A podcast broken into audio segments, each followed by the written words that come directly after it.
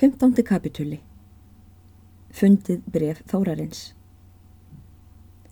Skömmu eftir þetta var það einn dag að finnur frá stað komað hlýð.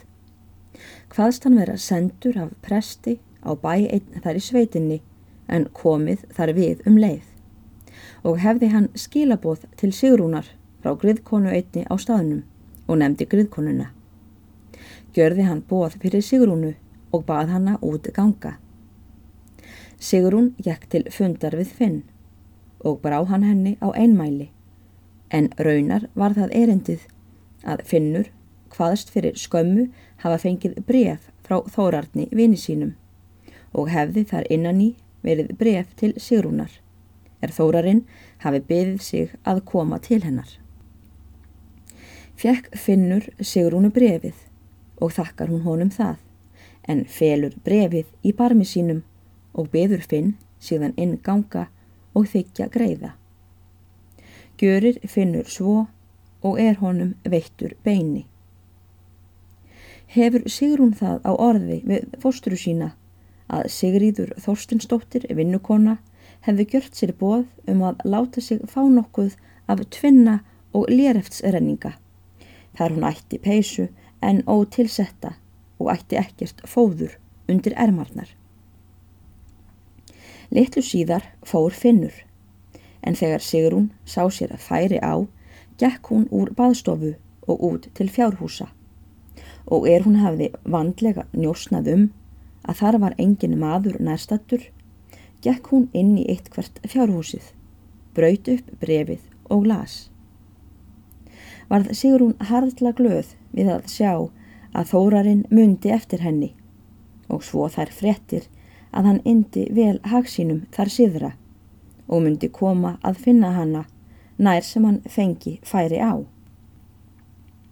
Sigrún myndi hafa staðið þar í húsinu og lesið brefið svo oft aftur og aftur að hún hefði verið búin að læra það orð rétt. Hefði hún ekki verið hrætt um að sín erði saknað úr bænum ef hún væri mjög lengi burtu. Hún braut brefið saman, stakk því í barmsinn og krakti svo peisunni vandlega og gekk heim til bæjar. Laumaði hún síðan brefinu í pallkistilsinn og vafði það áður innan í reynd léreft. Leið þó engi sá dagur að hún læsi ekki bref þórarins ef henni gafst næfi til þess. Sætti hún jafnan lægi er enginn var uppi við. Tók hún þá kistilinn og setti í hnésir í rúmi sínu, lauk honum upp og sneri honum þannig að lokið og hjörurnar sneru fram og let lokið hallast að enni sér og let það þannig skikja á á meðan hún las brefið.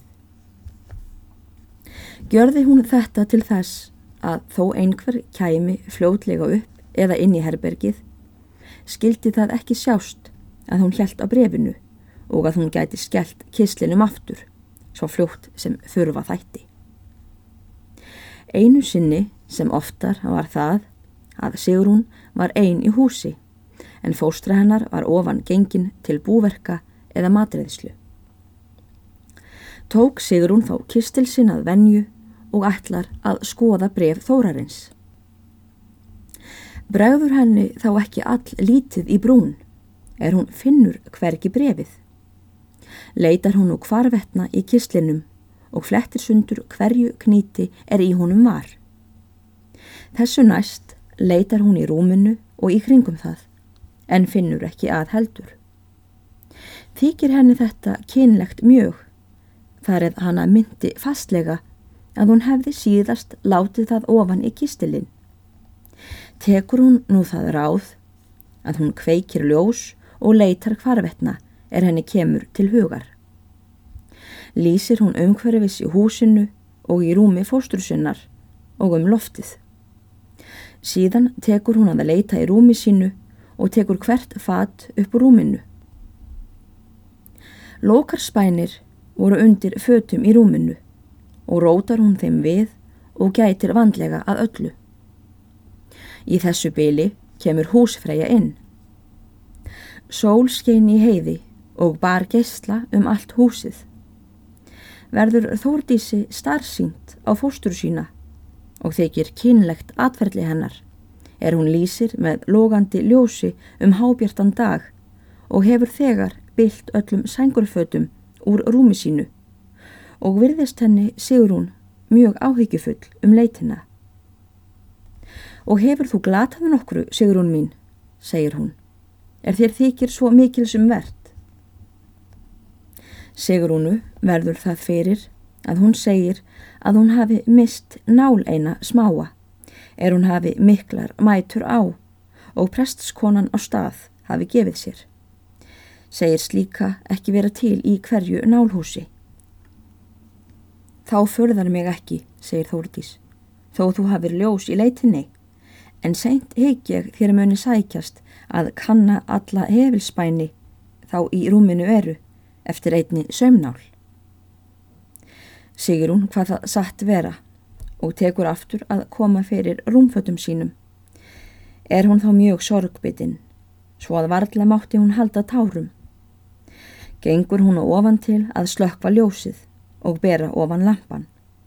En hitt var þó heldur að hún vildi ekki að fóstra hennar sægi að hún tárfældi. En er Sigrún var ofan gengin, verður Þórdísi litið til rúms fóstur sinnar. Sér hún þá að hjágafl bríkinni efri var rifan okkur og sá þar á sendibref eitt. Þórdís tekur brefið og lítur utan á. Sér hún þá að á brefinu er kveðja og það er til hennar Sigrúnar Þorstinsdóttur á hlýð og var kveðjan rituð fagurlega.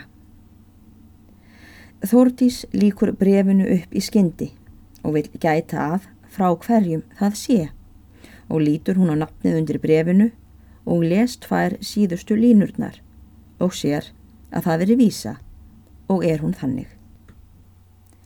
Hvað sem örlög ætla mér eikin, frænings, túna, ævi langa an ég þér, indislega rúna.